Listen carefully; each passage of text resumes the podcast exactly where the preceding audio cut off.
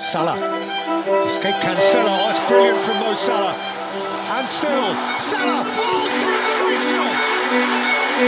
Absolutely sensational!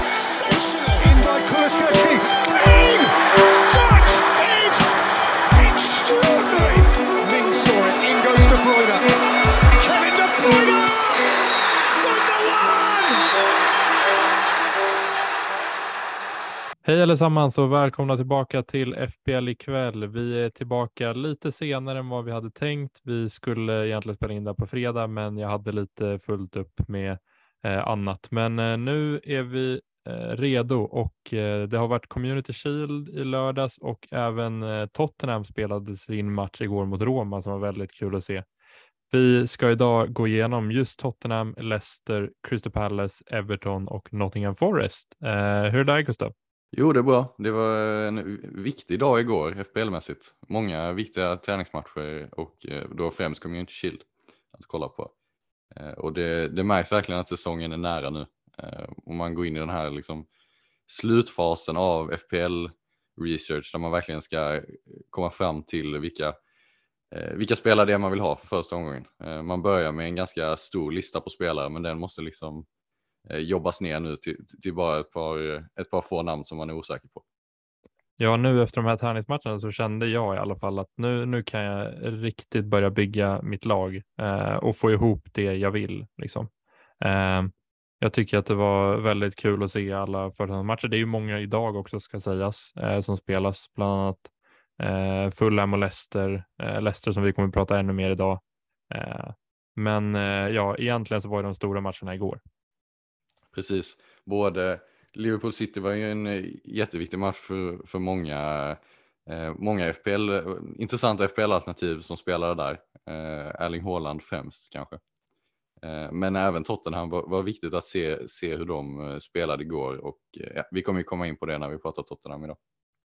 Ja, vi kan ju gå in på Tottenham direkt tycker jag. Ehm, vi kan ju kolla lite på deras övergångsfönster och där har det hänt väldigt mycket. De har ju eh, värvat otroligt många spelare, framförallt Richarlison som kom för en väldigt dyr prislapp. Jag vet inte om jag förstår mig på den värvningen riktigt, men vi får se. Eh, Ubesuma från eh, Brighton, Jed Spence har kommit in från, eh, som var på lån eh, från Nottingham Forest förra året, men kommer från Middlesbrough.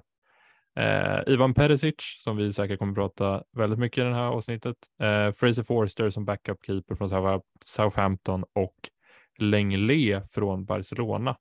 Eh, och ut har då eh, den enda som har gått ut egentligen är ju Bergwijn som har gått till Ajax. Vad säger du spontant om deras transferfönster?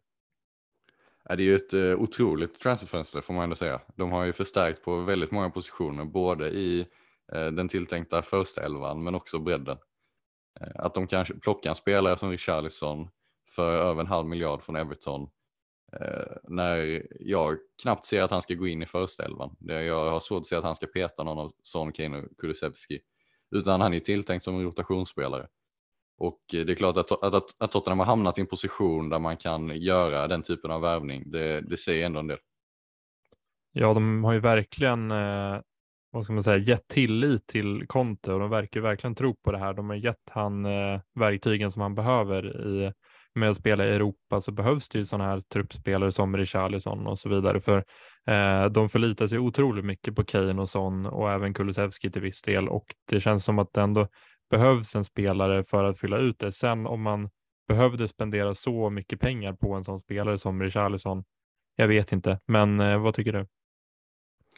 Nej, det är svårt utan att ha någon jätteinsyn ju. Eh, har de pengarna över så, så, är det ju lika bra. Det är, det är ju en kvalitetsspelare i Chelsea. Jag tror han kommer passa passar bra in om han är, är liksom, om han är med på att han inte kommer få starta de allra flesta matcherna utan att han ska, han ska roteras. Eh, så tycker jag att han är en ganska flexibel spelare som kan fylla, eh, fylla egentligen alla tre rollerna i deras fronttrea eh, ganska bra på så sätt. Han kan, han kan fylla i de luckorna när, oavsett vem det är som ska vilas eller roteras i fronttrean. Så är Richarlison en, en fullgod ersättare där. De två spelarna som jag eh, tycker är de klart bästa värvningarna i alla fall är ju Bisoma eller Bisoma hur man uttalar det och Ivan Perisic. Eh, vi kan börja prata med om, eh, jag vill säga Bisoma då. Eh, jag tycker att han kommer eh, förbättra Spurs överlag otroligt mycket. Eh, jag tycker inte Höjberg var på den nivån som eh, man behöver vara om Spurs ska utmana om eh, topp fyra och spela Champions League och så här. Då tror jag inte Höjbjerg håller eh, riktigt. Men Bizuma bredvid Bentancourt, jag gillar det mittfältet starkt alltså. Ja, det håller jag med. Det är ett, det är ett solitt mittfält och eh, det är inte ingen av dem som ska ta en särskilt jättekreativ roll egentligen, utan Bizuma är ju där för för att, eh, för att hålla, hålla ihop defensiven liksom och täcka upp när, städa helt enkelt. Eh, stoppa motståndarnas kontringar och, och generellt bidra med stabilitet som han har gjort så väldigt bra i Brighton. Och, så det tror jag kommer vara en jättebra värvning. Dock helt irrelevant för FPL vilket man inte kan säga om Perisic direkt. Nej, verkligen inte. Vi såg ju eh, Roma, jag vet inte, såg du Roma-matchen igår? Yes, det gjorde jag. Ja, eh, och där fick man ju se prov på vad Perisic kan eh, bidra med i FBL. Det är ju eh, först och främst ett tillslag eh, med båda fötterna som eh, man inte ser från en, det kändes inte som att man kollade på en försvarare i FPL igår. Det var bara, det var det jag fick intryck av i alla fall. Vad kände du? Nej, exakt så är det ju. Han, han spelar ju inte som en försvarare överhuvudtaget. Han är ju, dels är det första man slås av att han, eh, den kvaliteten han, han håller fortsatt. Han är ju verkligen nivåer bättre än Ryan Sessignon som är alternativet på den vänster wingbacksplatsen. Eh, och, och, och, man slås ju direkt av kvaliteten på Perisic, hur bra han är, men även hur offensivt han spelar. Eh, alltså, stundtals så var han ju högre upp i banan än vad Son var. Eh, och han tog skott och han, han tog offensiva löpningar och skapade chanser. Och fick, det, det allra viktigaste nästan som jag ser det var ju att han fick 75 minuter. För det största frågetecknet vi har haft kring Perisic är ju hans matchform, om han är frisk nog att spela från start direkt när säsongen drar igång. Men de 75 minuterna igår lovar ju gott. Ja, för när jag såg att Emerson Royal och Lucas Mora stod på bänken och skulle in så var jag nästan helt säker på att Perisic eh, var den som skulle bli utbytt med eh, att, att Lucas Mora skulle spela höger wingback och eh, Emerson Royal skulle spela vänster wingback eller något sånt där. Eh, och sen så fick han då fortsätta spela och det var egentligen bara han och Kane som var de startspelarna som fick spela längre än 60 minuter, vilket var ju väldigt, väldigt lovande. Precis, han har inte fått så många minuter på försäsongen innan utan det var 30 eh, minuter i försäsongsmatchen innan. Här var hans första start för Tottenham, får 75 minuter och så här, jag har ju svårt att se att han ska spela 90 minuter vecka ut och vecka in, men förhoppningsvis så, så vittnar ju det här om att han är tillräckligt redo för att starta eh, de allra flesta matcherna och ta sig förbi 60 minuter. Eh, vilket är egentligen så länge vi behöver honom för att få poäng för att hålla nolla. Eh, och det gör ju att jag lockas otroligt av att ha honom i laget i omgång 1. 5,5 miljoner är ju en väldigt fin prislapp för en spelare som är så offensiv och ändå spelar för ett så pass bra försvar. Sen kom ju Conte och sa någonting efter matchen med att han tyckte inte att Perisic var till sitt liksom bästa jag. Eh, jag tror att det var vissa jag såg på Twitter som blev lite avskräckt från Perisic på grund av det uttalandet, men jag är ganska säker på att Conte egentligen bara har väldigt höga förväntningar på honom. Han känner honom sedan tidigare och vet vilken kvalitet han har och att han förmodligen kommer komma upp i den kvaliteten om några omgångar jag känner mig i alla fall ganska säker nu på Perisic. Inte lika mycket som, eh, jag är inte lika säker på Doherty, men Perisic, på grund av minuterna så känner jag mig betydligt säkrare på honom. Jag tror också att det uttalandet från Conte mest handlade om att han är medveten om vilken extrem höjd Perisic har i sig. Eh, snarare, än, snarare än att det skulle vara ett problem för honom att, att spela redan. Utan han, han känns ganska spelklar, eh, men inte eh, men man ska ändå vara medveten om att han, han har den här höjden i sig som det kommer ta lite tid att komma upp till den. Men han är redan nu på en nivå som är, som är fullt tillräcklig för att starta matcher för Tottenham. En spelare som jag tyckte imponerade igår också var eh, Lenglet när han kom in istället för Davinson Sanchez. Jag tyckte Davinson Sanchez hade problem eh, på sin vänstermaxposition och Lenglet kom med överlapp eh, så som Ben Davis brukade göra. Eh, och jag tyckte han var väldigt bra från vad jag såg. Jag tror att han kommer passa den positionen betydligt bättre än vad Davinson Sanchez gör om jag ska vara ärlig. Ja, han fyller ju, fyller ju den rollen mycket bättre än vad Davinson Sanchez gjorde. Och vi kan nog förvänta, sig, eh, förvänta oss att han kommer, han kommer starta på den platsen när säsongen drar igång. Eh, om han inte gör det i omgång ett så kommer han ta den platsen ganska snabbt. Eh, för så stor var ändå skillnaden eh, före och efter att han hoppade in igår.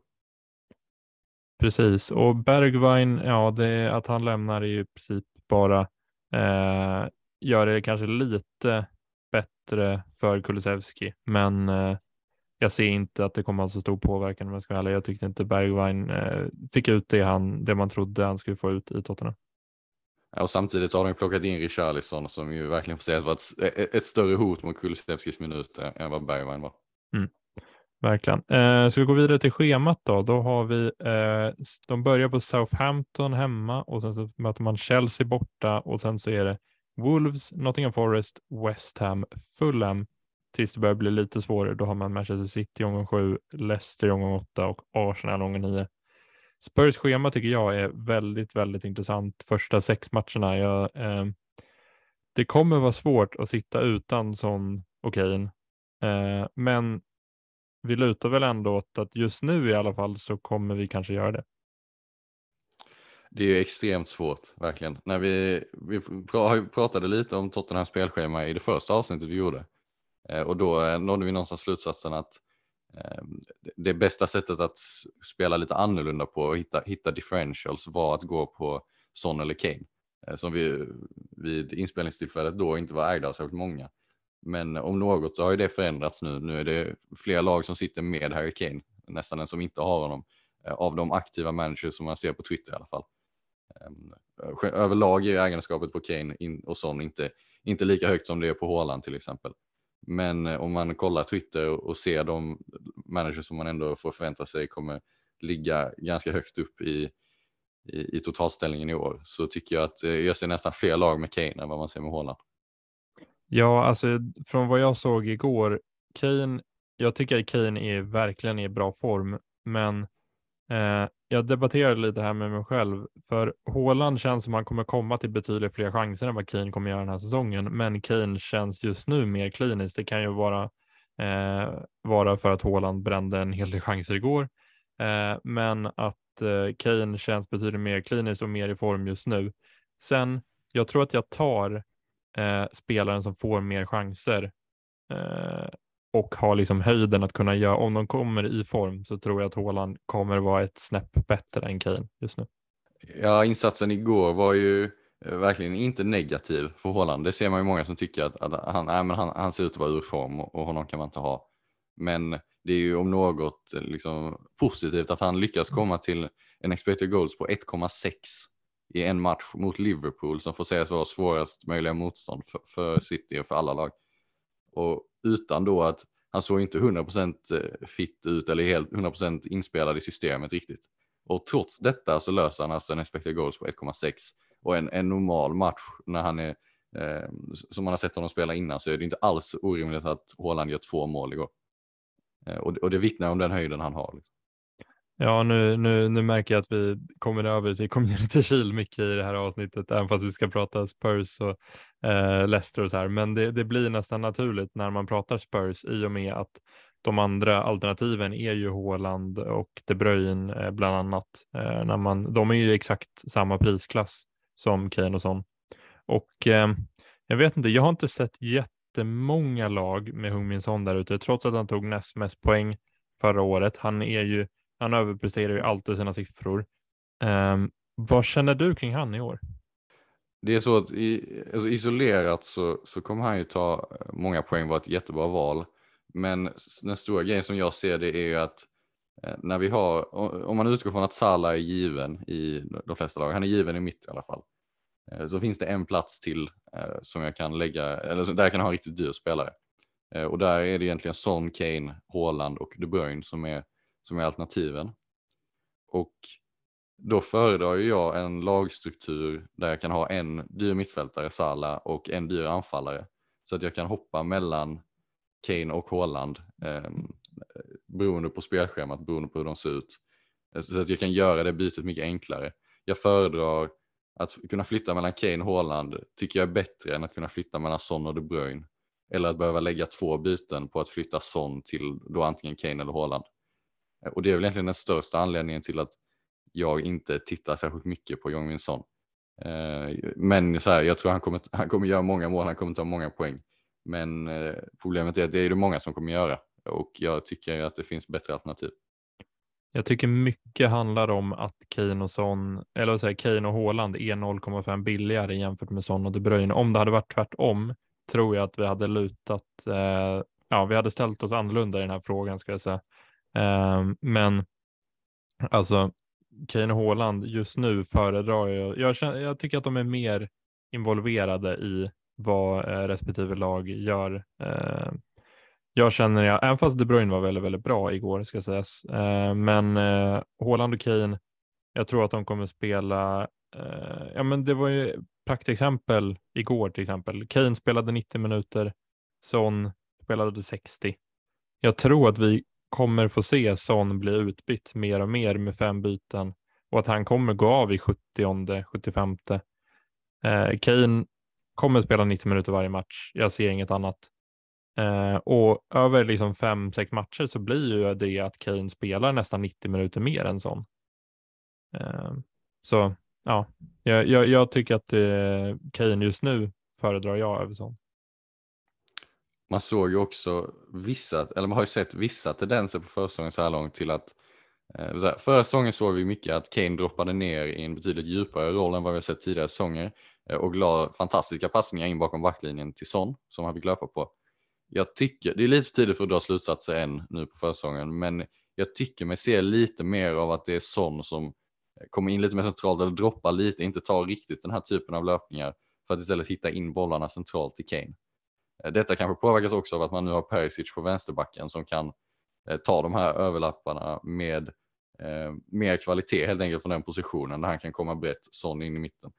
Eh, och om det skulle bli att Tottenham spelar mer på det sättet så talar det också till Kanes fördel. Eh, jag tror det kommer sätta honom i fler, i fler målchanser än sån eh, jämfört med försäsongen när det mest handlade om att Kane skulle spela fram sån. Vad tycker vi om dig, Anna, som alternativ? Det är jättesvårt. Det är jättesvårt. Vi vet ju inte hur rotationen kommer se ut med Richarlison riktigt än. Eh, och det är det som stökar till det lite. Eh, han har ju fått en prisökning upp till 8 miljoner i år, eh, fullt liksom berättigat. Han snittade ju alltså ett mål eller assist per match förra säsongen säsong efter att han kom in. Dock ska jag säga att han överpresterade de underliggande siffrorna rejält och det går väl att ifrågasätta om han kommer kunna fortsätta på den nivån. Eh, vi ser ju till exempel att Son på, på andra sidan planen gör det, men då krävs det också den typen av kvalitet för att man ska kunna överprestera sina siffror så rejält år ut och år in. Och jag ser honom som ett bra kortsiktigt alternativ egentligen för att eh, Richarlison är avstängd i omgång ett. Så vi vet att Kulusevski kommer starta mot Southampton. Och gör han det bra där så, så borde han få fortsätta starta. För att jag håller honom som ett bet en bättre högerytter än vad Richarlison är. Det är jag också faktiskt. Eh, och det här med när man överpresterar expected assist, det kan man nästan räkna med att man gör i Tottenham med Kane och Son där framme. För att Kane och Son där framme är ju eh, två av världens bästa avslutare och de överpresterar nästan alltid sina expected goal-siffror och när Kulusevski passar fram så betyder ju det att han förmodligen kommer överprestera sina expected assist-siffror också. Eh, så jag förstår ändå varför han gjorde det förra säsongen, men han kanske inte kommer göra det till den extrema nivån som det var förra året. Nej, och vi, har, vi ser ju den här säsongen att eh, på den, det priset som han har fått så finns det ju ganska många bra alternativ till exakt samma prislapp. Vi har Saka, Diaz, Mount, Madison. Eh, gå upp lite till så får du Jared Bowen. Och när han helt plötsligt hamnar i den här prisklassen så lockar de andra alternativen eh, lite mer än vad Dejan gör skulle jag säga. Men går man utan Kane och Son så tycker jag att han blir liksom, då blir han ett ännu bättre val. Men tar man Kane som sin premiumanfallare så, så ser jag inte så jättestor anledning med att man ska lägga eh, 8 miljoner på att, på att dubbla upp där. Nej, jag håller med. Eh, Ja, eh, vi kan ju prata lite om Doherty också, för det är ändå några som har han i sitt lag. Eh, jag tyckte bara först och främst man märkte igår när de spelade hur, eh, hur, eh, vad ska man säga, att Doherty som fotbollsspelare är ganska dålig när man jämför han med Perisic. När Perisic kom in eh, så märkte man verkligen vilken skillnad det var i wingbacksen i Tottenhams lag och vilken den dåliga sidan var. Jag tycker inte Doherty kunde skapa mycket. Han, han kan följa, in i, följa med in i boxen och avsluta. Mer än det tycker jag inte han gör riktigt när Perisic kan vrida ut och in på sin försvarare och överstega och slå in inlägg och nej, Dockert är inte alls samma nivå ska jag säga och därmed tycker inte jag han är ett alternativ nu när Spence har kommit in. Han är ju en betydligt mer begränsad fotbollsspelare än vad Perisic är, det får man säga. Han, han fyller, fyller en roll av att ta löpningar in i boxen och, och, och skjuta ganska bra. Men han är ju ingen vidare kreativ wingback och när det handlar om att skapa chanser så håller han inte alls den nivån som Perisic gör på andra sidan. Vilket gör att det känns rimligt att, att mer av Spurs spel kommer gå via vänstersidan där man har Perisic och Son. Eh, det är ju, får man ändå säga, betydligt högre kvalitet än vad, än vad det är med Doherty och Kulusevski på högerkanten. Eh, och som du säger, Spence har kommit in, Emerson Royal finns där och det är egentligen två alternativ som eh, kommer rotera med Doherty. Um, vilket gör att jag, jag, just nu så betalar jag den halv miljon extra för, för Perisic. Och Conte även börjar prata om att Lucas Mora ska flyttas ner till höger wingback och allt möjligt. Så att, eh, ja, det finns väl egentligen fyra stycken alternativ på den här höger wingbacksplatsen och det känns ju inte som att eh, Doherty kommer få spela 90 varje match direkt. Eh, han kommer nog roteras ganska mycket. Eh, men jag, helt ärligt, jag tycker Tottenhams wingbacks, om man om det kommer några skador eller så här och man märker att Tottenhams wingbacks kommer starta de flesta matcherna så tycker jag att det är bra läge att gå på dem bara på den utgångspositionen som de har i Contes system.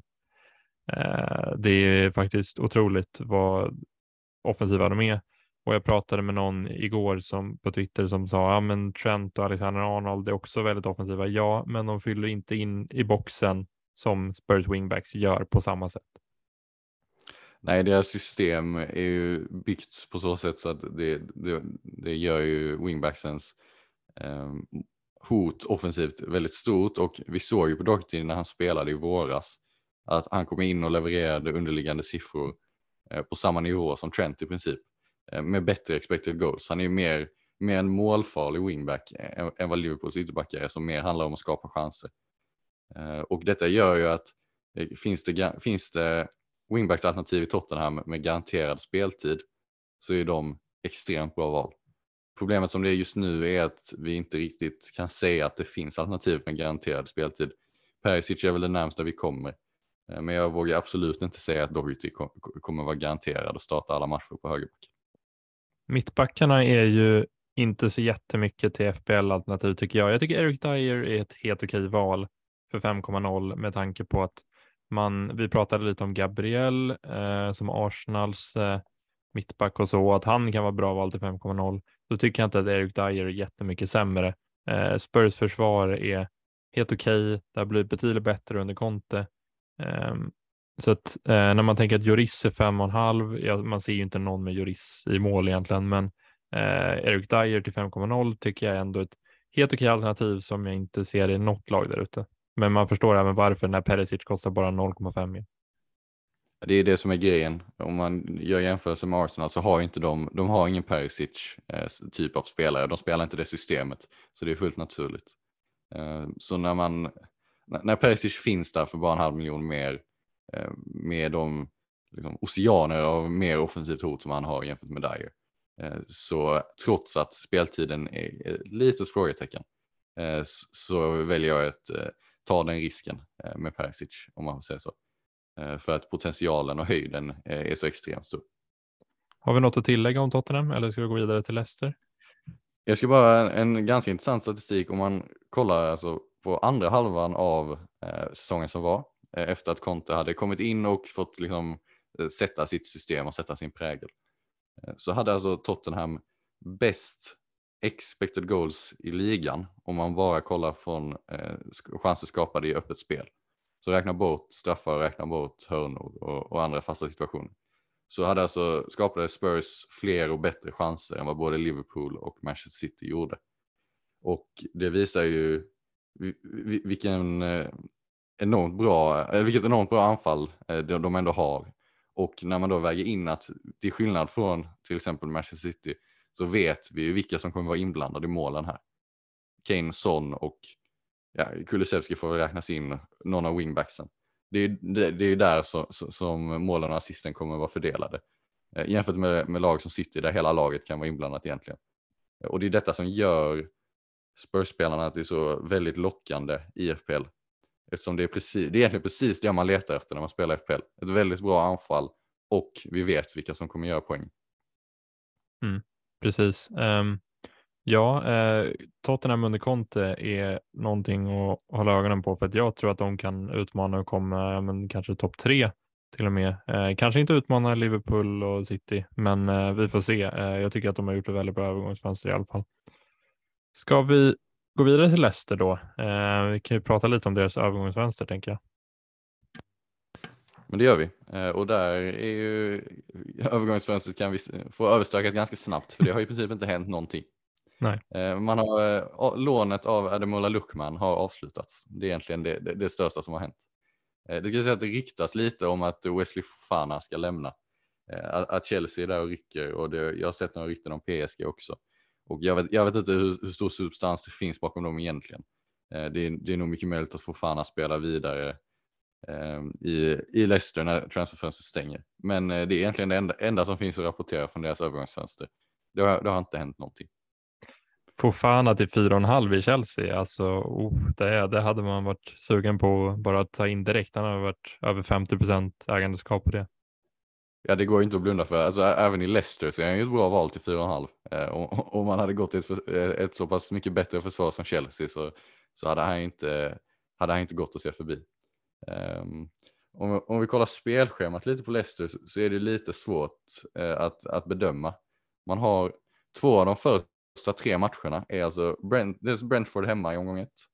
Sen har man Arsenal borta, sen kommer Southampton hemma i omgång tre. Uh, så om man, om man kollar jättekortsiktigt, bara de första tre matcherna, uh, så har man ju två, två väldigt bra matcher där det mm. finns potential för poäng. Eh, men i övrigt eh, så ser det ju omgång två är ganska tuff och omgång fyra och framåt ser också mörkt ut. Så eh, ska man gå på Leicester-spelare så är det verkligen de här två matcherna man måste ha träff i. Ja, jag tycker deras schema är svårt. Alltså det, jag är inte jättesugen på några av deras spelare om jag ska vara helt ärlig, även fast det finns, man vet vilken potential det finns i det här Leicester-laget. De hade ju otroligt många skador förra året och eh, jag tror att de kan ju lyfta sig rejält, både framförallt ytterbackarna som kostar 4,5 och Jamie Vardy lär ju göra sin grej som vanligt och Madison lär ju bli eh, väldigt bra i år igen. Men med det här inledande schemat så undviker jag i alla fall de flesta av deras eh, spelare. Den största grejen med Leicesters spelschema om man kollar på hela säsongen är att de slipper Europaspel. Vi såg förra säsongen hur mycket det påverkade dem som lag de har inte riktigt en tillräckligt bred trupp för att kunna slåss på två fronter. Och det syntes i resultaten, både insatserna om man kollar på liksom de underliggande siffrorna, men även, även resultaten. Eh, det gick bättre innan Conference League drog igång och efter att de åkte ut eh, och bara började spela en match i veckan igen så såg det bättre ut. Eh, och det hintar ju om att vi kan förvänta oss en bättre säsong av Leicester i år tycker jag. För många av de här spelarna Eh, där Jamie Vardy kanske är det, är det främsta exemplet, kommer ju gynnas väldigt mycket av att bara behöva spela en match i veckan hela året. Ja, eh, verkligen. Och Jamie Vardy kommer ju vara väldigt, väldigt bra. Han blir som sagt ett år äldre varje år. Det känns som man säger det varje år, men eh, jag, jag, tror att han kommer göra sin grej. Sen att han kommer nog inte otroligt svårt att få in honom till 9,5 tycker jag. Jag ser inte riktigt hur man ska göra det eh, när det finns Gabriel Jesus och Haaland slash Kane som egentligen liksom väljer sig själva. Det är väldigt svårt att gå utan dem och då ska man gå på någon 3-4-3 eller 4-3-3. Eh, jag vet inte, jag tycker det är svårt att få in någon. Där håller jag med, det är ju priset som ställer till det lite. Eh, det finns ju ändå liksom, eh, om man är lite sugen på, David Nunez från Liverpool i samma priskategori Eh, Eh, men är lite rädd för att det är osäkert i början nu eh, med hans minuter. Så finns det faktiskt en möjlighet att starta säsongen med Jamie Vardy eh, de första tre omgångarna, få då matcherna mot Brentford och Southampton och sen flytta honom till Nunez. Om man, om man då har sett saker som man, de sakerna man vill se från Nunez, det vill säga speltid främst. Så, så, den möjligheten finns ju, men, men, generellt håller jag med om att det är en ganska jobbig prislapp och egentligen ingen det, det, det, man, det, kostar för mycket att få in honom i laget. Man får tumma för mycket på balansen i övrigt. Men då måste man också gå med bara två Liverpool-spelare i början nästan eh, om man ska få in Nunez direkt. Man måste ju rotera bort någon i alla fall av, om man går Robertson eller Diaz som tredje val. Eh, så ja, det, kan nog funka, men jag tycker inte det är optimalt. Nej, det är ju inget jag, det är inget jag rekommenderar, men jag, jag, jag slogs ändå av det när jag kollade på spelschemat. Mm. Att, eh, att då får man ändå de, de två bra matcherna eh, och kan vänta och se vad som har hänt med Nunez. För det är egentligen det enda, den enda intressanta spelaren, eller egentligen den enda spelaren som finns i samma priskategori som Vardy. Eh, och får ändå sägas ha ganska hög potential FPL-mässigt. Problemet är att det finns kanske bättre alternativ i Liverpool, men det har vi pratat om. Ja, vad ska vi nämna kring, för du, det som jag tycker är mest intressant i Leicester är ju 4,5 backarna som eh, alla har ju blivit prissatta till 4,5 från vad jag eh, kan se. Och eh, James Justin var ju otroligt bra en säsong. Ricardo Pereira har alltid varit nästan 5,5-6 miljoner eh, när han har spelat eh, och Castagne var också 5,5 någon säsong och gjorde väldigt bra ifrån sig. Vad, eh, vad tycker du om ytterbackarna? Eh, det är ju kul att se att James Justin är tillbaka och har fått samma prislapp som han fick för två säsonger sedan när han var en otrolig FBL-spelare innan han skadade sig. Eh, gick på honom tidigt trots att det, det, det, var eh, problemet då var ju hela tiden att Pereira var, var snart tillbaka från skada. Eh, men han kom ju inte tillbaka utan fick nya bakslag så Justin tog ju den platsen och levererade ju eh, extremt bra. Hålla nollor, bonuspoäng, assistmål eh, för bara 4,5 miljon.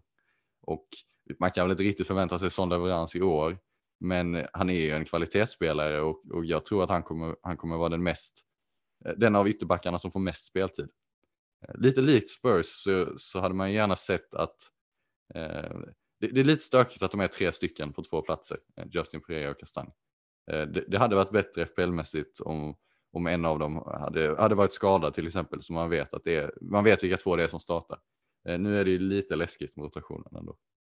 Ja, James Justin är ju ändå en av de här spelarna som är verkligen på gränsen att vara med i engelska landslaget också, som man kan tänka på eh, när de nu ska satsa inför VM och så här. Det känns ju som en spelare som verkligen ska försöka bevisa att han tillhör den här eh, engelska VM-truppen. Eh, men just nu, eh, som det ser ut, så tror jag att Justin och Pereira går först i den här eh, rangordningen och att Kastanj, han Eh, han har inte sett jättebra ut på försäsongen från vad jag har läst mig till och eh, att Justin nu verkar spela vänsterback före honom.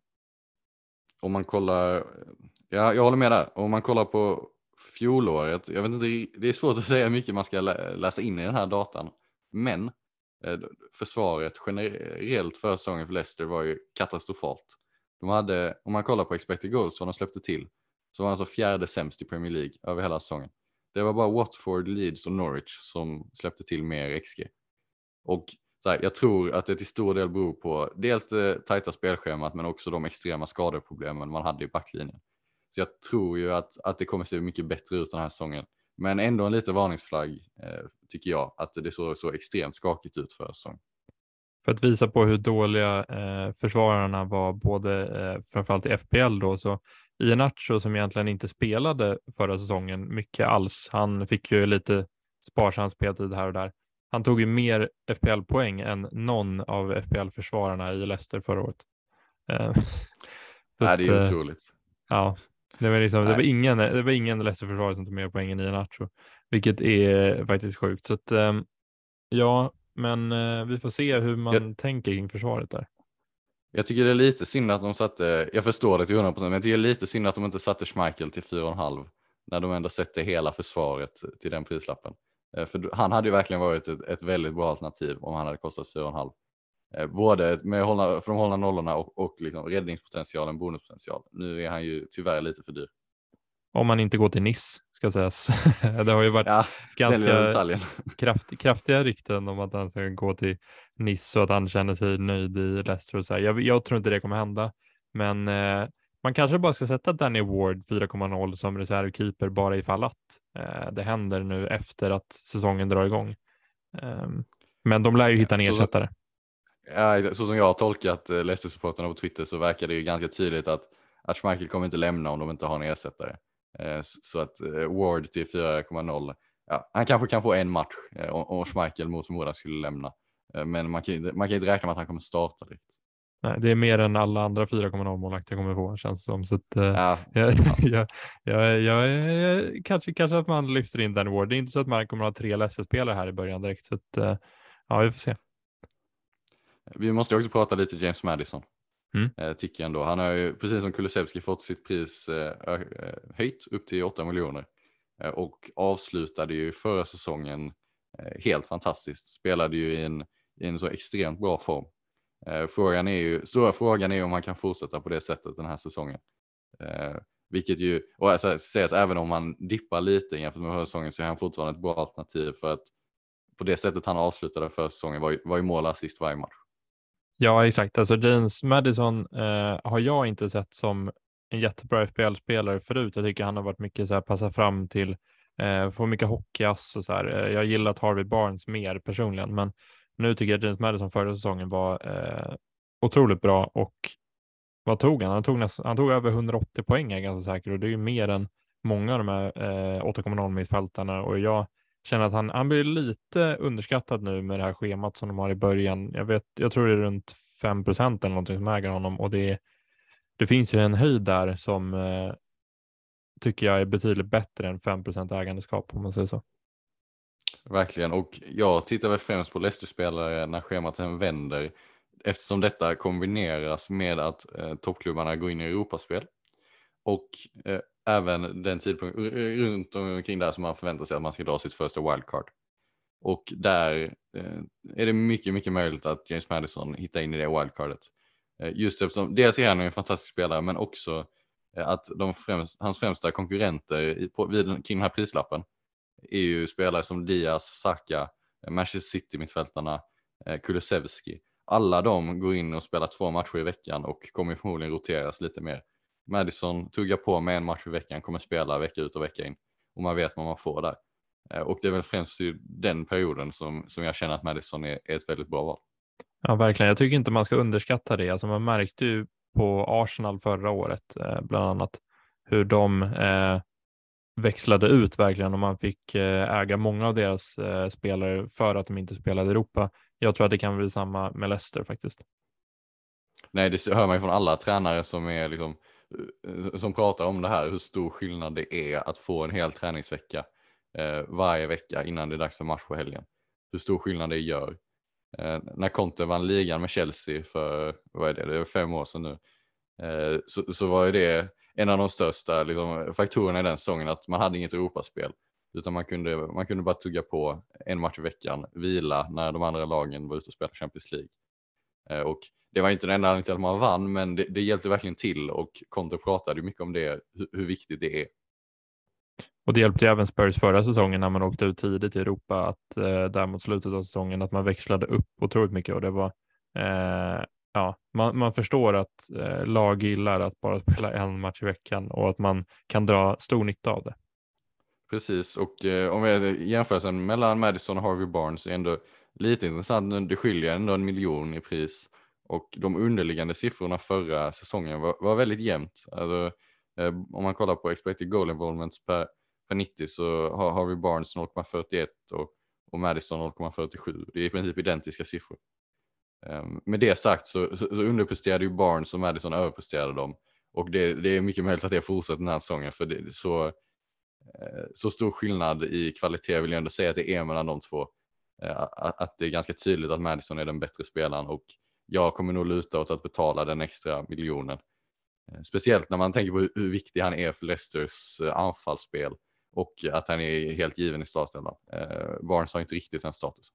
Nej, jag gör nog också det. Jag lutar också åt Madison. Även fast Harvey Barnes är ju min gubbe. De som känner mig är, vet om att Harvey Barnes är verkligen min spelare. Jag, när, när han tog 19 poäng mot Aston Villa där, när jag gjorde 2 plus 2, då, då blev han ja, lite legendstatus i mitt eh, FBL-lag faktiskt från den säsongen. Så att jag har alltid valt honom före Madison, men till och med jag får nog vika mig här nu, känner jag, inför den här säsongen.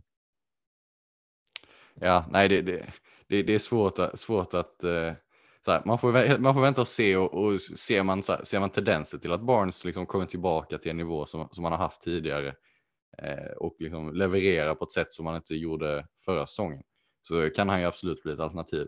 Men vi måste verkligen se det hända innan man eh, agerar på det. Och Madison är ju är verkligen betydligt säkrare val. Har vi något mer på Leicester eller ska vi gå vidare? Nej, det, det, jag tycker vi kan gå vidare. Då går vi vidare till laget med absolut sämst schema nästan i hela ligan, Crystal Palace, som eh, vi inte ser så jättemånga ha spelare från. Vi kan börja med deras övergångsfönster och då har man värvat in eh, Sheikh Doucouré, alltså inte Evertons eh, Watford Doucouré, eh, utan från Lans, eh, en, också en sittande mittfältare eh, som kommer få starta, är jag ganska säker på, eh, här i början. Man har värvat in Chris Richards från Bayern München som var utlånad till Hoffenheim. Det är en form av mittback, eh, högerback från vad jag kan läsa, läsa mig till. Och även Sam Johnstone eh, som vi känner igen sedan tidigare från sin tid i West Brom eh, och kommer ju då eh, konkurrera lite med Guaita där i målspotten. Och ut så är det eh, Kouyaté som eh, hans kontrakt har gått ut och även eh, Martin Kelly eh, som jag trodde hade lämnat för länge sedan, men han var kvar. ja, jag vet inte, har du något att tillägga om de värvningarna? Jag tycker det är som, Eh, ja, alltså det, det, jag tycker det är skillnad jämfört med deras förra övergångsfönster när de värvade in eh, Olis och Eduard och eh, sådana spelare. Jag tycker att det sticker inte ut lika mycket den här Nej, det är, det är, stabila, solida värvningar, liksom. ointressanta FL-mässigt, men kommer ju bidra till att, att göra eh, så att Pallas fortsätter vara ganska stabila. Det är främst defensiva värvningar eh, och, och såklart bra för dem att förstärka på de positionerna, eh, Eh, men in, in, inte viktigt FPL-mässigt. Eh, om man kollar på schemat däremot så, så det som det får man nästan säga är sämst i ligan. Man, för de som inte vet då så möter man alltså under de första fyra omgångarna så passar man på att möta Arsenal hemma, Liverpool borta och Manchester City borta. Och eh, mycket tuffare än så går det inte att få. Nej, verkligen inte. Eh, sen efter det så har man då Brentford hemma, eh, Newcastle borta och United hemma. Så det hjälper inte jätte... Och sen Brighton borta och Chelsea hemma. Det är, det är schemat är eh, läskigt eh, för dem. Alltså det får se hur det går. Jag tror ändå Viera kan ta en del poäng mot de här lagen, men det är ju, man kollar inte mot deras FPL-val. Eh, man kanske kommer göra det sen om man wildcardar lite senare, för de har en ganska bra run eh, från typ ungefär omgång 12 till omgång 18 eller så här, men det hamnar ju som mitt i eh, VM och allt sånt där. Eh, jag vill bara lägga till en grej kring Sam Johnstone. Om han utkonkurrerar Guaita tycker jag ändå till 4,5 att han kan bli ett väldigt bra val den här säsongen med tanke på hur bra Crystal Palace var försvarsmässigt förra året. Alltså jag skulle gå så långt som vill säga att oavsett vem som startar för Crystal Palace, bara vi får en målvakt som startar alla matcherna så kommer han vara det bästa alternativet till 4,5 miljon. Problemet är ju, är ju att Vira höll på att rotera med Guaita och Butland för säsongen och nu har han dessutom Johnston. Eh, så, men om han, om han slutar rotera och bara bestämmer sig för en målvakt eh, så kommer det vara ett kanonalternativ. För det, det är verkligen ett stabilt försvar. Eh, sjunde bäst om man kollar på antalet insläppta mål i fjol, men femte bäst om man kollar på expected goals som man släppte till. Och det är ju verkligen Alltså räknar man bort toppklubbarna så, så går det knappt att hitta ett bättre försvar. Och när det, alla deras backar, då målvakterna också, är, är så pass billiga så är de ju bra alternativ när schemat vänder. Ja, jag tycker, jag tycker det är lite synd att eh, Crystal Palace ytterbackar är så defensiva som de ändå är. Eh, jag förstår att det gör det till ett liksom, bra försvar, men eh, för oss FPL-managers så vill vi ha en offensiv back som spelar eh, i ett lag som Crystal Palace som kostar 4,5. Nu får vi inte det. Alltså Mitchell, eh, Joel Ward. Nej, det är ingen som jag kommer kolla mot direkt. Då är ju nästan mittbackarna eh, mer offensiva när man ser till att de har ändå möjligheterna på fasta situationer. Eh, eftersom ytterbackarna knappt går fram och de går inte upp på fasta situationer på samma sätt heller utan där är det mittbackarna man siktar på. Så, så det är ju nästan i Crystal Palace så att mittbackarna är de mest offensiva i backlinjen. Eh, eller de mest offensivt hot i liksom rent FPL-mässigt. Ja, verkligen. Och det blir Eh, det är därför man gillar även eh, målvakten skulle jag säga, om eh, man får det valet. Jag ska vi gå vidare till lite deras alternativ, för det har ju varit Wilfred Zaha som har ja, vad säger, run the show hela de senaste åren och han gjorde det ju väldigt bra förra året, trots att han gick under radarn lite får man ändå säga FPL-mässigt. Han har ju fått en intressant prislapp på 7 miljoner och har ju, alltså förra säsongen gjorde han det väldigt bra. Det var liksom bra leverans och de underliggande siffrorna är, är väldigt bra för den prislappen. Eh, de är liksom uppe på en nivå eh, som, är, som är ganska jämn med till och med dyrare mittfältare. Eh, sen ska det sägas att tar man bort straffarna från de siffrorna eh, så ser de ju lite svaga ut. Eh, det hjälper ju verkligen till att han har straffarna och att han fick en del straffar i fjol. Men det är ju en fördel för honom som FPL-val att, att vi vet att han, han eh, med största sannolikhet kommer slå straffarna och eh, även om han har missat en del eh, genom åren så, så, så kommer det ju bidra till en ökad poängskörd. Ja, alltså jag tycker alltid Crystal Palace eh, får mycket straffar generellt när man har spelare som Zaha och Lis, eh, Esse. Eh, många av de här spelarna som fixar straffar. Eh, så att, att Zaha tar dem, man förstår ju att de kommer få några straffar varje säsong. Jag kommer ihåg den säsongen när eh, Milivojevic tog straffar och Zaha fixade kanske 12 stycken kändes som och Milivojevic var liksom ett FPL-alternativ till 6,0 eller någonting och var defensiv mittfältare. Det är helt sjukt hur eh, han var liksom en del av många lag, men han fick straff varje match och det var väldigt frustrerande att se på. Men eh, ja, det, det förklarar väl lite hur mycket straffar Palace ändå får och att Zaha ändå är ett rimligt alternativ. Kanske inte nu i början nu med schemat, men framöver. Nej, och priset eh, alltså, rent isolerat så kan jag tycka att det är en ganska spännande och bra prislapp med 7 miljoner. Eh, men det finns ju ändå alternativ till samma pris eller billigare till och med.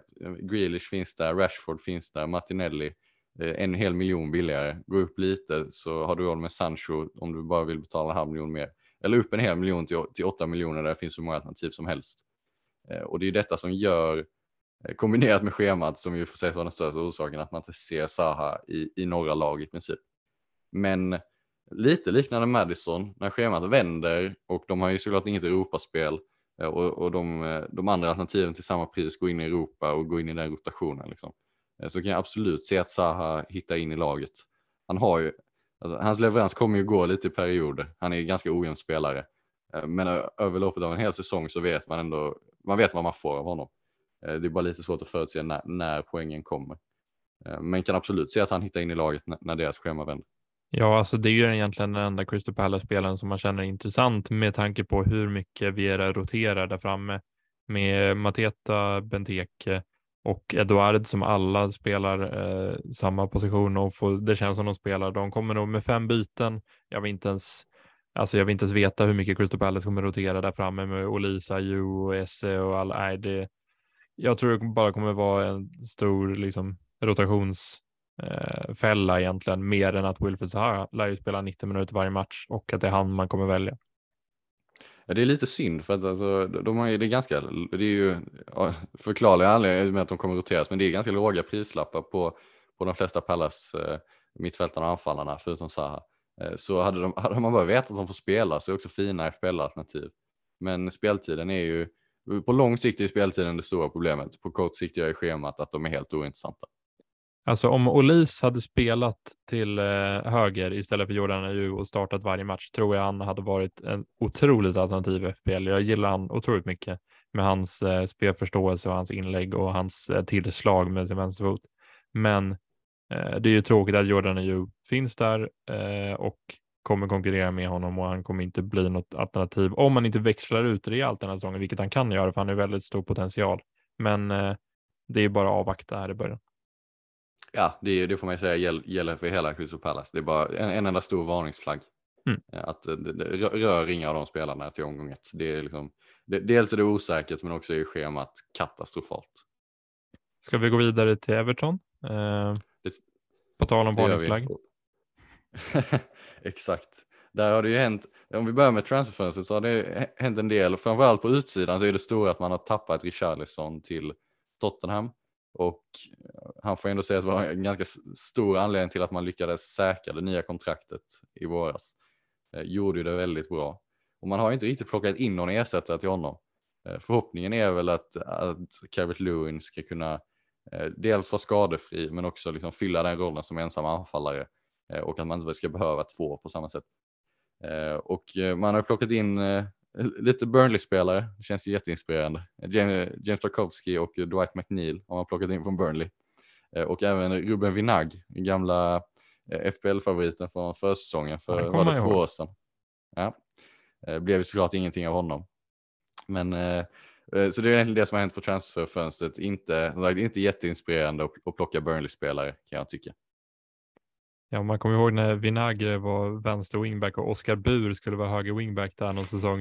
Eh, det hade varit riktigt roligt att se. Men eh, i alla fall Dwight McNeil med en otrolig debut får man ändå säga. Två mål tror jag eh, i sin debutmatch. Och, eh, Ja, det är fler det- man gjorde på hela förra säsongen. Så att, Ja, han var den, jag tror han var den spelaren som underpresterade sin expected goal involvement mest i hela Premier League förra året ja, nej, det, och, det, och det säger ändå mer om hur dåligt han, han presterade. Än, siffrorna, de underliggande siffrorna var inte jättebra heller, men han gjorde ju verkligen ingenting framåt. Trots att han spelade i, i princip varje match. Jag har alltid trott att no, något lag ska eh, sätta honom som wingback för att jag tror att han skulle vara en väldigt, väldigt bra vänster wingback. Men eh, vi får se om Everton gör det. Jag tror inte att de kommer göra det, men eh, ja, eh, vi får se. Everton generellt sett, vi kan ju prata lite schema. Vad känner vi där?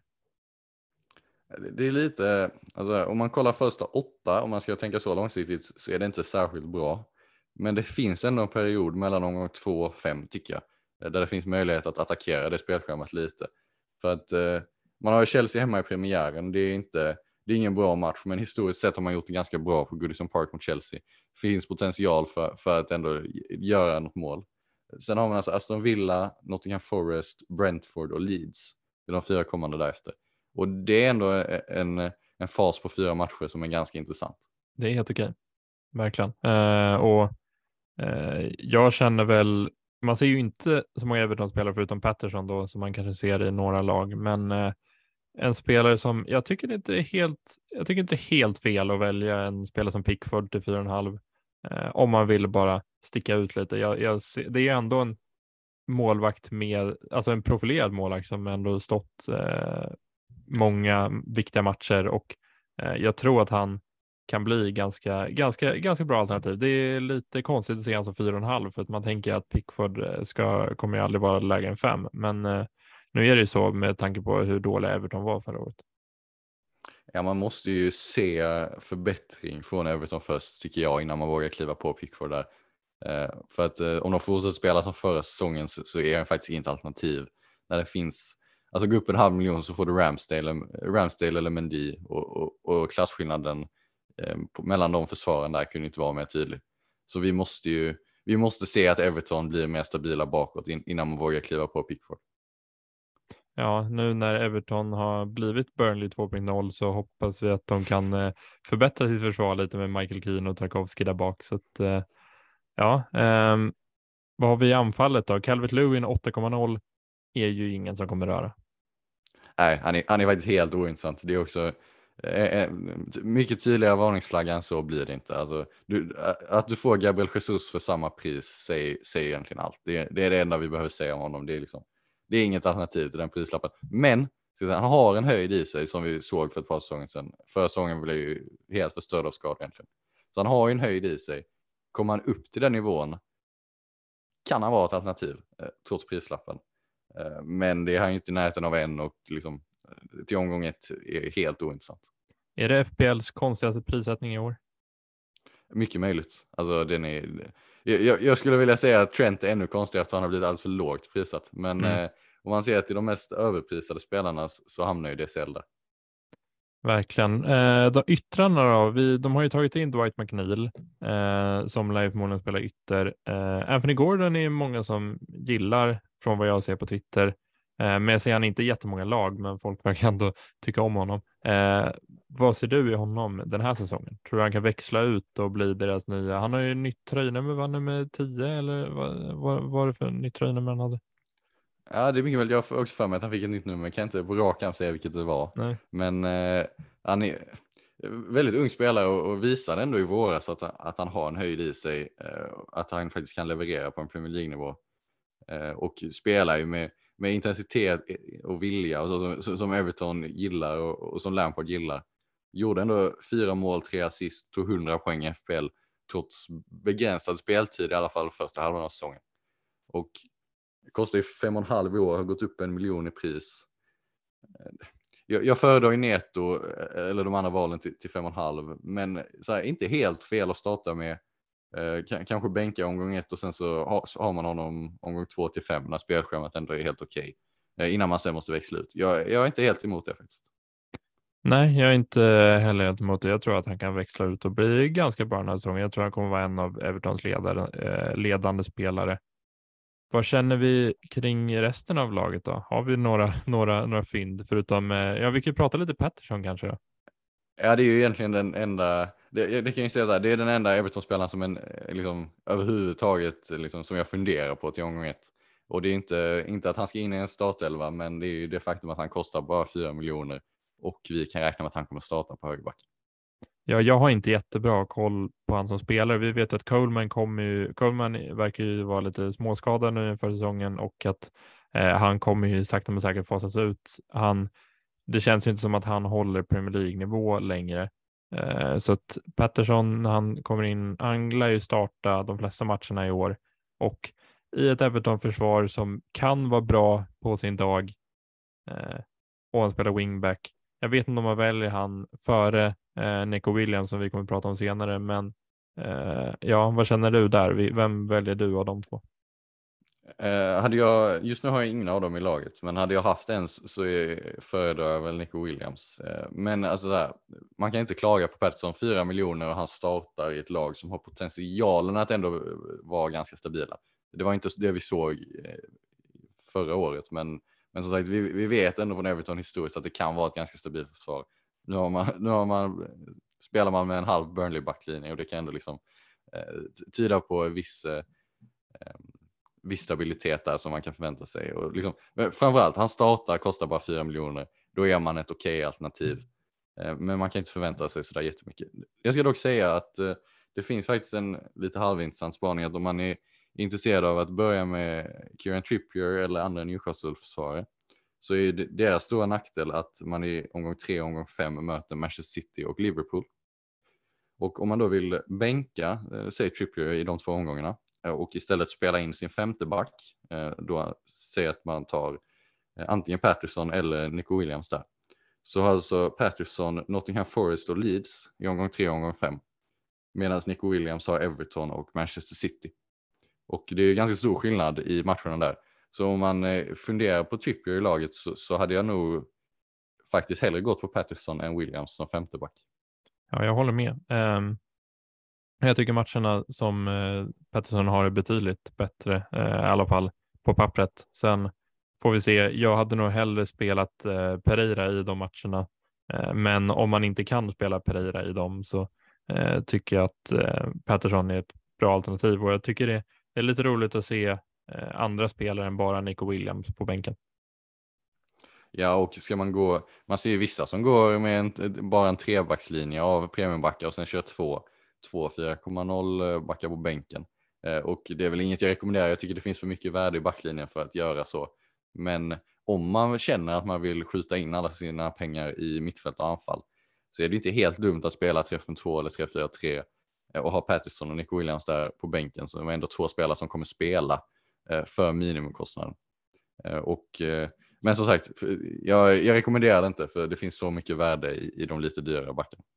Har vi något mer att säga om Everton eller ska vi gå vidare till Nottingham Forest som vårt jag tycker vi kan gå vidare. sista vi har, lag? Vi har, vi, ja, exakt. Nu har vi gått igenom alla 20 efter det. Så det tycker jag vi gör. Mm. Eh, och där, eh, till skillnad från Leicester då, så har det hänt otroligt mycket övergångsfönster. Det är som en financial takeover här i Nottingham Forest. De har gjort otroligt många värvningar så att för att luta er tillbaka och lyssna på alla de här. Eh, de värvar ju in eh, Orel Mangala precis innan sändning här nu från Stuttgart, en innermittfältare. Eh, de har värvat in Taivo Avoni som är deras eh, ja, record signing tror jag faktiskt från Union Berlin, en forward som gjorde, som gjorde 15 mål i Bundesliga förra året. Man har värvat in Neco Williams, högerback från Liverpool som eh, några känner igen sedan tidigare eh, och som vi nyss pratade om ganska mycket. Eh, Musa Niakate, eh, Niakate kanske, från eh, Mainz, en mittback. Man har värvat in Biancone från Troy som kommer att backa på högerback. Man har värvat in Omar Richards, en vänster wingback från Bayern München. Man har värvat in Lewis O'Brien eh, som defensiv mittfältare från Huddersfield och Harry Toffolo som vänsterwingback från Huddersfield han också. Och då är jag inte klar, då är jag tre namn kvar också. Man är värvat in Jesse Lingard och Dean Henderson också. Um, som ska nämnas och även, vi pratar Burnley, Wayne Hennessy som backup keeper och där var vi klara med eh, spelarna in för Nottingham Forest. Ja, det har hänt mycket. Ja, det, det, får man verkligen säga. Det är ju i princip ett helt nytt lag jämfört med det som gick upp, eh, gick upp från Championship och det, det förstår man, för de har ju tappat väldigt många av de spelarna som spelade upp dem eh, och oavsett så är det tveksamt om de hade hållit eh, Premier League nivå. Så jag tycker ändå att man gör ett bra, bra övergångsfönster. Det är svårt med lag som som i princip byter ut hela startelvan. Vi har sett det några gånger att nykomlingar kommer upp och så värvar man som tusan. Bästa exemplet är väl Fulham för några år sedan som gick upp och spenderade en miljard så funkar det inte överhuvudtaget. Ehm, men eh, som sagt, finns ändå lite intressanta värvningar där eh, bland, bland den enorma mängden som du nämnde. Ja, verkligen. Eh, och ut egentligen är det bara Samba, målvakten, som har lämnat till Lans. Man har ju tappat då spelare som man lånade in förra året i Garner från Manchester United och Jed Spence som nu har gått till Tottenham och även Zinkernagel som var utlånad från Watford. Men bland de här spelarna så är det ju ändå, ja, i FPL-väg får man väl ändå säga att det är Avoni, att det är Nico Williams och att det är Jesse Lingard och kanske även Dean Henderson, jag vet inte. Men Jesse Lingard, Nico Williams och Avony i alla fall som sticker ut. Där håller jag verkligen med. Det är de här värvningarna som är en del av de andra värvningarna som säkert kommer vara jättenyttiga, men, men från ett FPL perspektiv så är det de tre vi kollar på. Eh, och om vi, om vi börjar med Nico Williams och vi fortsätter på det. Vi nämnde honom en del under Everton diskussionen, men eh, precis som Patterson, en, en startande eh, ytterback för 4,0 och här spelar dessutom Forrest med ett wingback-system, eh, vilket gör att Williams kommer vara mer offensiv än, än vad vi kan räkna med att Patterson kommer vara i Everton. Och att vi får en, Forrest la ganska mycket pengar på honom, så att det, det, han kommer verkligen, han kommer starta. Och att då få en sån spelare för bara 4 miljoner, går, går, man inte på fem premiumbackar så, så tycker jag att han ska vara med i laget. Ja, alltså Neco Williams har ju dessutom tagit lite frisparkar här under försäsongen och de fyller ju på med sina wingbacks. Vi kan ju prata lite om hur Forrest spelar generellt eftersom de är nykomlingar. Jag tror inte alla har så jättebra koll på Forrest. Eh, de spelar ju med en 3-5-2 egentligen med två anfallare och Avony kommer ju vara en av dem. Nico Williams lär spela höger wingback och Lingard lär ju vara offensiv mittfältare då eh, i den här eh, triangeln i mitten. Eh, och Dean Henderson kommer ju stå såklart. Men eh, vi, ja, vad har vi att säga om, ska vi prata lite Jesse Lingard eller Avony eller vad känner du? Vi kan väl börja med Lingard, han är ändå väldigt intressant. Så som Force spelar så har de en tendens att dra ut, om inte båda så åtminstone en av sina forwards eh, ganska brett i banan. Framförallt Brennan Johnson gillar att gå ut och söka sig ut åt kanterna. Och detta öppnar en del yta för Lingard Eh, att som tia fylla på in i boxen och ta de löpningarna som som vi vet att han är ganska bra på att, att hitta ytan i straffområdet, att vara på rätt plats när bollen, bollen dyker upp och så, och så petar han in den. Det såg vi att han, han gjorde ganska många mål i, i West Ham när han var på lån där förra säsongen, eller två säsonger sedan eller nu. Um, att han liksom, han, han, hittar bara sätt att göra mål och det är också en sån spelare, det, uh, vi gillar ju att kolla på de underliggande siffrorna, expected goals och, och just med Lingard kan jag känna att det är inte så relevant för att så som han spelar så så hittar han liksom vägar eh, till målet som inte syns i de här siffrorna. Eh, och är en, en sån spelare där, där, där just de underliggande siffrorna inte är, är, är, riktigt lika relevanta kanske. Nej, jag håller med. Alltså Lingard till 6,0. Jag känner att han kommer vara ett väldigt bra alternativ. Jag tror att han har mycket att bevisa i Nottingham Forest. Han har mycket att motbevisa Manchester United. Eh, och han får ju, kommer få väldigt bra betalt och jag är säker att hans målbonusar kommer vara väldigt höga. Så att, eh, om man vill tro att Lingard ska göra mycket mål så, så håller jag med ändå. Jag, jag tror att han kommer göra det bra i Nottingham Forest. Jag tror att han kan vara anledningen varför Nottingham Forest klarar sig kvar. Vi såg i West Ham när han går ner någon nivå från, det är ganska tydligt, han, han platsar inte i, i Manchester United eller den nivån av lag. Men när han då gick ner en nivå till West Ham så var han helt plötsligt eh, en nyckelspelare där och nu har han ju gått ner en nivå till egentligen får man säga till Nottingham Forest där han verkligen kommer vara en nyckelspelare eh, och, och liksom eh, viktig för systemet och mycket som kommer kretsa kring honom eh, och kostar ju bara ändå 6 miljoner. Eh, det är ju en ganska, ganska attraktiv prislapp ändå får man säga när schemat ser bra ut. Eh, så det, det, är mycket möjligt att man kommer sitta här med Jesse Lingard i laget i höst. Jag får lite samma känsla som med Eriksen i Brentford förra året när det gäller Lingard. Jag tror att han kommer liksom vara involverad väldigt mycket eh, framåt och att han kommer liksom, han kommer lyfta det här, alltså hela laget till en ny nivå. Jag tyckte Eriksen gjorde det i Brentford. Jag tycker Lingard kommer nog göra samma sak det här året. Alltså han, så som han spelar bidrar han ju med dels kvalitet om man ser på den här nivån som Forrest håller, men även liksom energi genom sin spelstil. Eh, och, och, och, eh, som du säger kommer, kommer garanterat bidra till att eh, göra det anfallsspelet mycket mer intressant. Om vi kollar på de andra, de två som förväntas starta på topp så är de ju också ganska intressanta alternativ. Brennan Johnson till 6 miljoner också. Gjorde väl, vad gjorde han, 18 plus 10 något Championship, det var ju mm. väldigt, väldigt bra siffror. Um, problem, det är lite synd att han, att han blev uppställd som anfallare i FL.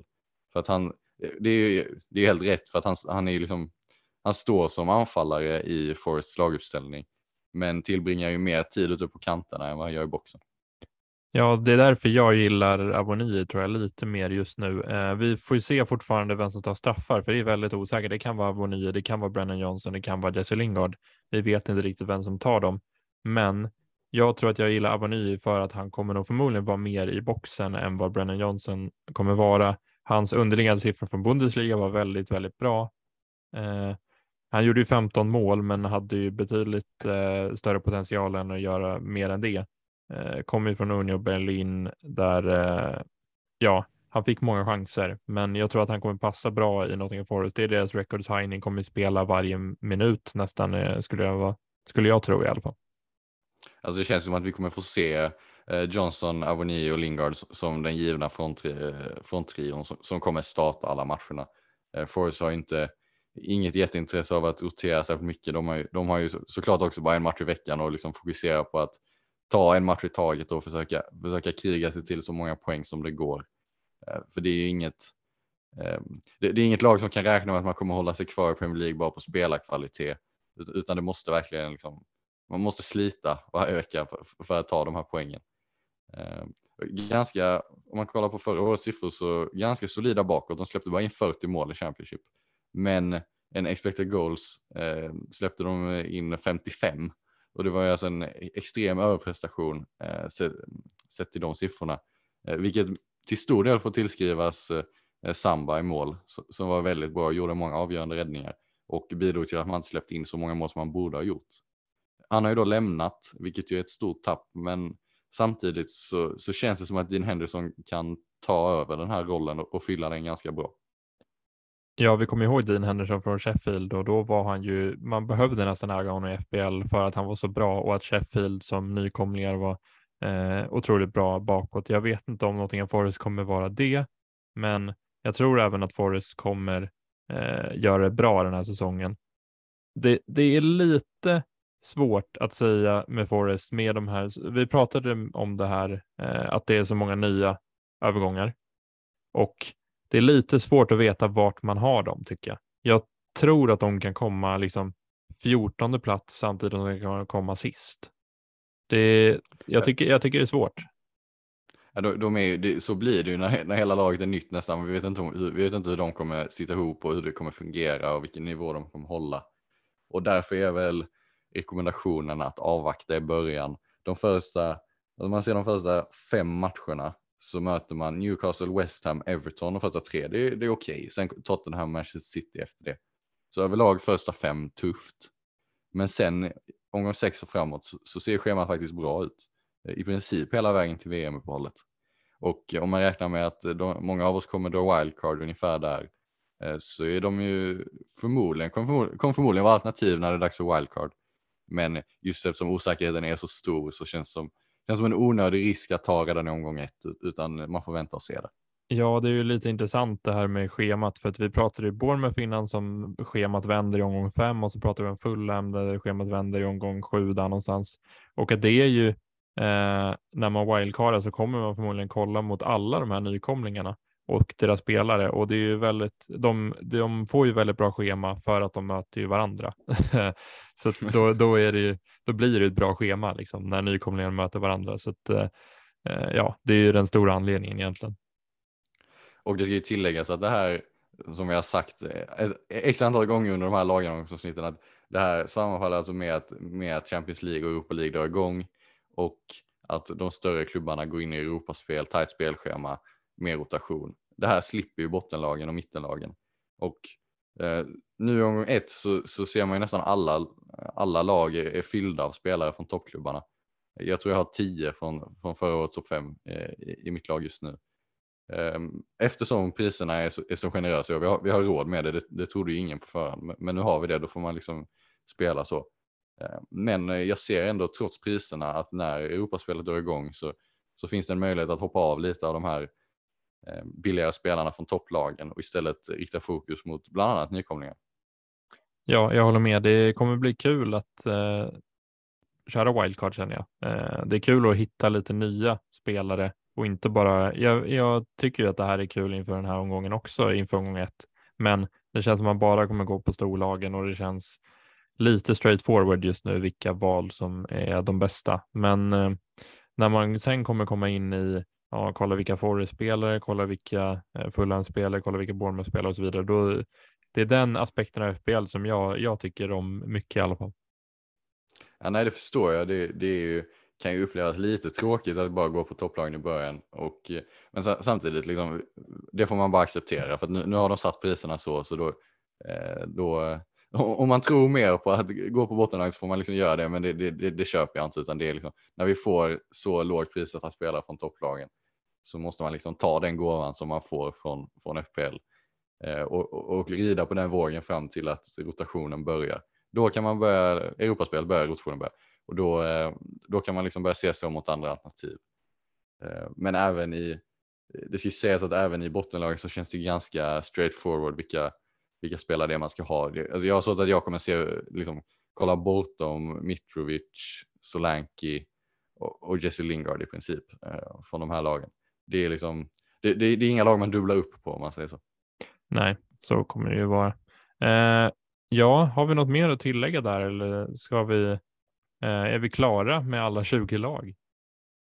Nej, jag, jag, tror vi är det faktiskt. Det har varit väldigt kul att spela in tycker jag. Att man får liksom grotta ner sig lite i de här lagen eh, och inte bara prata om, prata om topplagen utan faktiskt liksom lägga tid på varje lag. Det, det, det är en väldigt rolig del av FPL tycker jag. Eh, att, ehm, att få göra det jobbet på första säsongen. Ja, verkligen. Ni, ehm, Ja, vi, vi får väl eh, tacka för oss egentligen. Jag tycker också det har varit väldigt roligt att gå igenom eh, all, alla lag och spela in och prata eh, FPL via podcast och så här. Jag tycker det har varit en väldigt rolig upplevelse och vi är ju bara vad är vi, fem dagar nu från FPL start så det känns ju passande att vi har gått igenom alla. Eh, förhoppningsvis att ni också har lärt er en hel del grejer om ja, eh, alla Forest 30 spelare de har värvat och så vidare. Ja, och vi, vi ska säga att vi kommer släppa ett avsnitt till innan säsongen drar igång. Eh, på onsdag är planen att vi kommer med ett avsnitt inför omgång ett där vi, vi pratar om lite nya grejer och, och eh, kanske fokuserar lite mer på våra egna lag och gå igenom hur det ser ut inför omgången. Eh, jag ska också säga att vi har, vi har ju en liga som är öppen nu. Eh, ni hittar den via vårt Twitterkonto eh, som finns. Eh, antingen söker ni på FPL ikväll eller så hittar ni det via våra profiler på Twitter och det hade varit kul om så många som möjligt ville gå med i den ligan.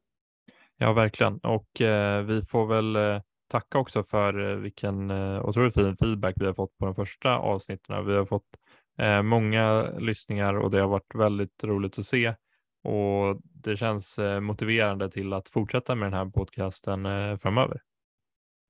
Verkligen. Vi har ju som vi har sagt några gånger nu, vi, vi är ju nya, eh, nya med, när det gäller att spela in podcast. Och, men känner jag att det varit jättekul så här långt och målet är ju att, att bara bli bättre eh, ju, ju längre tiden går. Precis. Eh, ja, då får ni ha det så bra där ute. Vi lär höras om eh, någon dag eller två. Eh, så eh, spelar vi in det sista avsnittet inför omgång ett. Nu är det snart dags. Ha det så bra allihopa.